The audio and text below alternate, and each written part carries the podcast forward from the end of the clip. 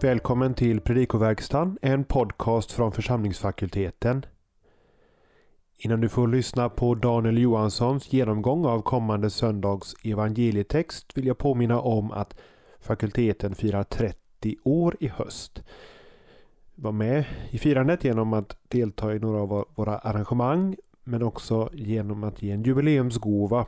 Till exempel med en gåva till swishnummer 123 100 8457.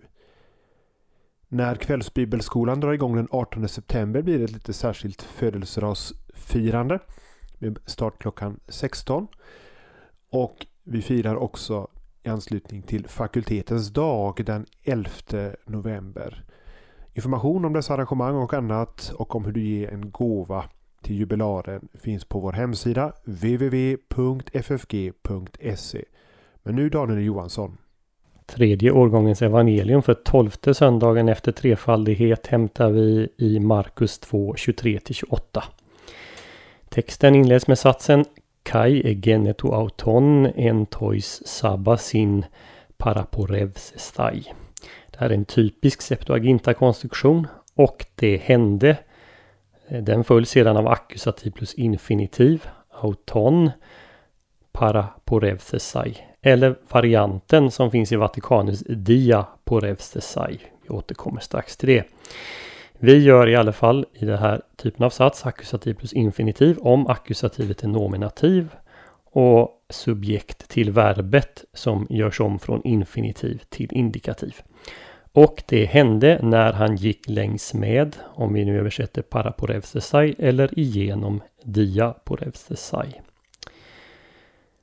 Sabbat uttrycks ofta med plural eh, som här, en tois sabbasin, på sabbaten.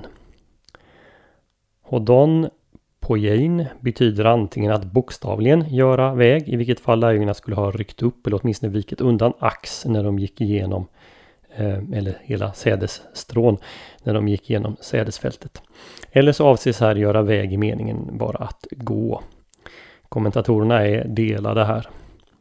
En textvariant som vi har i Vatikanus, Hodopojein, eh, talar för att åtminstone någon avskrivare förstått det i den förra meningen. Presensparticivet tillontes innebär att lögnerna pågående höll på att plocka ax. Participet är ju antingen instrumental, alltså uttrycker sättet på vilket de gör väg, eller temporalt uttrycker vad de gjorde medan de gick. Bilden som ges är alltså antingen att Jesus och lärjungarna går längs med sädesfälten eller på en upptrampad väg genom dessa. Eh, det sistnämnda sättet tycks vara hur Bibel 2000 uppfattar det. Eller så är det så att de går rätt igenom sädesfältet och gör en väg genom att plocka av ax. Är det på det eh, senare sättet, ja då får vi ytterligare ett exempel på hur det bereds väg för Herren, för Jesus. Eh, man kan jämföra med Markus 1, 3 och 11, 8. Vi går till vers 24. Dativen toi sabbasin uttrycker tid. På sabbaten översätter vi. Relativpronomenet ha i samma vers har en dubbel funktion eftersom det kan både vara nominativ och ackusativ. Det är å ena sidan objekt till pojosin, vad de gör, men också subjekt till existind, det är tillåtet. Grammatiskt så kan ha syfta både på att lärjungarna gör väg och på att de skaffar sig föda. Jesus svar i vers 25 tyder ju på det senare. Konstruktionen Och existind förekommer sex gånger i Markus evangeliet i 2.24, 26, 3.4, 6.18, 10.2 och 12.4. Alla gånger så är det någon slags semiteknisk term för att något inte är tillåtet enligt skriften. I vers 25 så står det Kai legei autois och han säger till dem. Det första Jesus säger i ett antal scener, särskilt i början av evangeliet, uttrycks just med legei i presens. Vi har exempel på detta i 1.41, i 2.5, i 3.4-5 och 3.33. Det är alltså någon slags historisk presens som används här istället för en imperfekt eller en eh, aurist. Trejan Eschen Kai Epeinasen betyder ordagrant när han fick behov och blev hungrig. Notera att det här står i singularis när subjektet konstrueras som här, nämligen autos kai hoi metauto. Han och de med honom. Vi hade kanske förväntat oss ett verb i pluralis. Vers 26. Tos artos tes prothesevs. Det är ett uttryck som är hämtat från Septuaginta, eh, första Samuelsboken 21.7. Kan översättas närvarens bröd, men det är oftast översatt skådebröd. Slalan 27 och 28 avslutar vers 27 med frågetecken, vilket återges i folkbibeln. Bibel 2000 översätter däremot med ett påstående efter att ha satt punkt efter vers 26. På grekiska är vers 25 och 26 en hel mening. En hel fråga. I vers 27 så står det Kai elegen autois. Här är alltså elegen i imperfekt och då kan man med fördel översätta han fortsatte att säga. Notera också verbet egeneto, blev till, i satsen to sabbaston diaton anthropon egeneto. Verbet används återkommande i skapelseberättelsen i Genesis 1. Och så den sista versen, vers 28. Håste till att börja med introducera hos Markus en fristående tanke som avslutning på ett avsnitt. Precis likadant i 10.8. Man kan då översätta med till exempel följaktligen eller alltså. Kyrios estin hohios to anthropo kaito sabato är en utmärkt illustration av det som kallas Colwells regel. Colwells regel innebär att predikatsfyllnaden när den står före kopulan, det vill säga verbet vara, inte tar bestämd artikel. Detta för att klargöra vad som är subjekt respektive predikat och objekt i, eh, i satsen. Människosonen som har den bestämda artikeln är subjekt. Eh, herre eh, blir då predikatsfyllnad men bör översättas i bestämd form. Människosonen är Herren också över sabbaten. Ett mer välkänt exempel på Colwells regel det har vi i Johannes 1.1 Kai theos en hologos. En del kommentarer menar att hela vers 28 är Markus kommentar till det Jesus sagt under föregående verser. Grammatiskt är det ju möjligt. I så fall skulle situationstecken sättas i slutet av vers 27. Men att titeln Människosonen annars alltid kommer från Jesu mun talar emot denna tolkning. Söndagens evangelium är det fjärde av de fem så kallade stridssamtalen i Markus 2.1 eh, till 3.6. Det här är första gången som frågan om sabbaten tas upp i Markus. Perikopen knyts till föregående avsnitt genom frågan om eh, när man ska äta. Eh, I föregående stridssamtal så har det ju frågats varför lärjungarna inte avstår från att äta. Här i det senare varför lärjungarna äter. Grundläggande svar på båda de frågorna ges i övergången mellan avsnitten. Något nytt, helt annorlunda här. Eller snarare någon ny är här. Den store Davids ännu större son. Kan ju jämföra med Markus 12, 35-37. Vårt avsnitt följs sedan av ett annat 3-6 som också tar upp frågan om sabbaten. När Jesus botar på en sabbat. Den här konfrontationen leder till att man tar beslut om att döda Jesus. Vårt avsnitt kan vi dela in i tre delar. Eh, först har vi en bakgrund och fariseernas reaktion i verserna 23 till 24. Och sen har vi Jesu första svar som baseras på första Samuelsboken 21 i verserna 25 till 26. Och Jesu andra svar baserat på den ursprungliga intentionen med sabbaten i 27 till 28. Det förekommer en del svårigheter i den här texten. En gäller om lärjungarna bröt mot själva lagen eller bara fariseernas tolkning av det. Någon menar att man även bröt mot sabbatsbudet genom att vandra omkring på sabbaten, vilket ju var begränsat. En annan fråga gäller varför Jesus säger att Abiatar var överstepräst när första Samuelsboken 21 säger att Ahimelech innehade det ämbetet. Vi tar tag i den sistnämnda frågan först. Enligt första Samuelsboken 22 så var Abiatar eh, som nämns här i Markus 2 son till Ahimelech. Men andra Samuelsboken 8.17 och första krönikeboken 18.16 och 24.6 beskriver Ahimelech som son till Abiatar. Så den här frågan är inte helt enkel. Följande förklaringar har föreslagits på den problematik vi möter här i Markus. En första är att Epi Abiatar Archierevs ska översättas i den delen av skriften i första Samuel som handlar om översteprästen Abiatar. Alltså skulle det vara ett sätt att ange ställe i bibelbok. Man hade ju som bekant inte kapitel och verser på den tiden.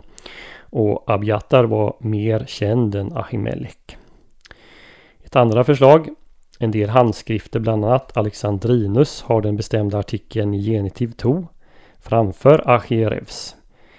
Eh, vilket skulle ge meningen i översteprästen Abjatas dagar, det vill säga han behövde ännu inte vara överstepräst. En tredje förklaring är att ett ord i stil med Abba, som ju betyder fader, har tappats bort vid avskriften. Abba och Abjata börjar ju på samma stavelse. En fjärde förklaring är att satsen saknas ju i flera handskrifter, till exempel i Codex Besai och de gamla tidiga latinska översättningarna, liksom i Matteus och Lukas. Det kan indikera att satsen faktiskt inte stått med hos Markus från början utan varit en tidig marginalanteckning som sedan kommit in i texten. Vi får dock konstatera att ingen helt tillfredsställande förklaring har givits. Det är nog svårt för oss att föreställa oss vilken ställning sabbatsbudet hade bland judarna på Jesu tid. Sabbaten hade instiftats av Gud vid skapelsen. Gud själv hade observerat den, första Mosebok 2.2. Och enligt judisk tradition så höll änglarna i himlen sabbat. Det hade också patriarkerna gjort innan lagen gavs. Det förstår vi av jubileeboken 2.18-23. ja, man menar till och med att de som straffas i Gehenna får uppskov varje sabbat. Sabbatsbudet var ett av de tio orden och det som det nog ger mest detaljerad förklaring till. Det kopplas dessutom till de viktigaste händelserna i Gamla Testamentets frälsningshistoria, skapelsen och uttåget från Egypten. Andra Mosebok 28 11 och femte Mosebok 5 12 15. Alla de här bibelställena jag rabblar upp nu de finns i pdfen eh, till den här podden på vår hemsida. Sabbaten framställs vidare som en Guds gåva, given även till slaven och djuren så att de kan vila sig från sina arbeten en gång i veckan. Andra Mosebok 23.12. Man gav inga undantag, inte ens under skördetid eller såningstid. Andra Mosebok 24.21. Att Israel bröt mot just detta bud anges som ett av skälen till exilen i Babylon, Jeremia 17 och Nehemja 13. Särskilt efter exilen så kom det här budet att skilja judarna ifrån alla hedniska folk. Det är ganska rörande att läsa en judisk arbetares loggbok från Alexandria. Han tar en större arbetsbörda sex dagar i veckan för att kunna vara helt ledig på sabbaten. Första Makabeboken 2, 29-38 låter oss veta att judarna var villiga att hellre dö än att bryta mot sabbaten genom att försvara sig om de blev anfallna den dagen. Till skillnad från fastebudet som ju är diskuterat i föregående avsnitt i Markus var sabbatsbudet obligatoriskt för alla i Guds folk. Att bryta mot det var alltså ett mycket, mycket allvarligt brott. Problemet var dock att lagen inte hade specificerat vad som var arbete. Det blev därför, kan vi säga, en fråga på liv och död att definiera vad som konstituerade arbete. Åtskilliga sådana listor ställdes upp och en del har bevarats till oss. Så frågan blir, bryter lärjungarna mot lagen? Ja, vi kan till att börja med konstatera att eh, det lärjungarna enligt fariséerna gjorde fel, eh, det var att de plockade ax och så att säga tog sig ett snack, ett tilltugg på sabbaten. De blir inte anklagade för att gå en för lång sträcka. Fariseerna tycks ju själva vara ute och gå för hur kunde de annars ha sett vad lärjungarna gjorde? Att plocka ax från någon annans åker det var enligt femte Mosebok 23.25 tillåtet så länge man inte använde skära.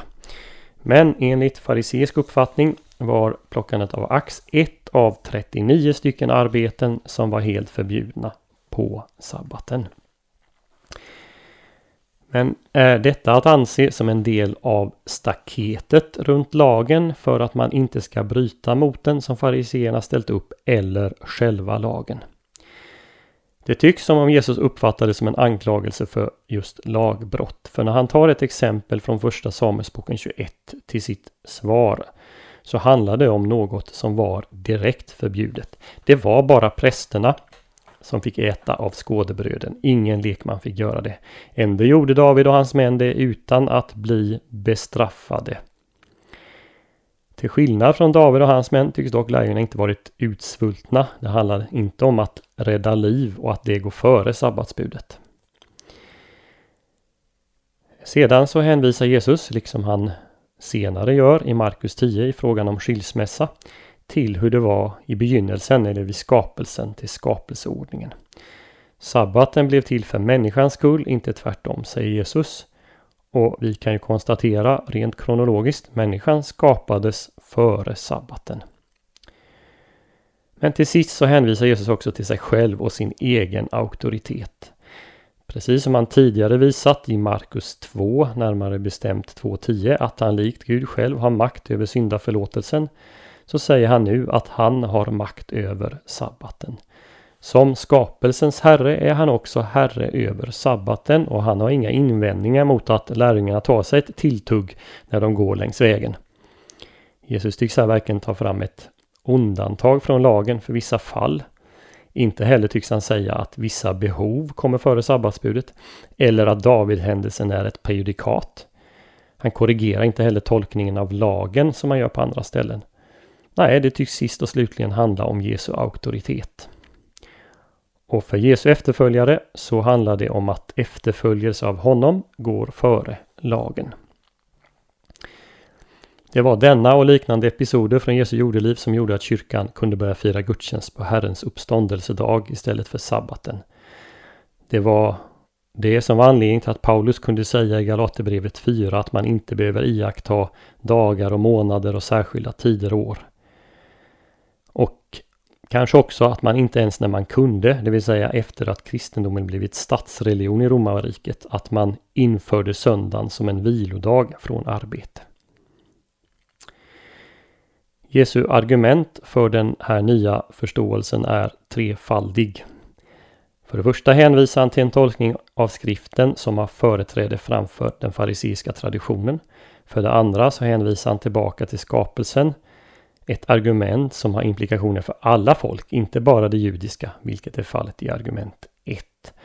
Och för det tredje så hänvisar han till sin egen auktoritet. Som sabbatens herre bestämmer han vad som är rätt och fel.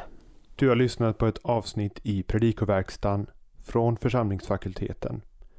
För att stödja FFG och för Predikoverkstans verksamhet ge en swishgåva på nummer 123 100 8457 eller på annat sätt som finns beskrivet och angivet på hemsidan www.ffg.se.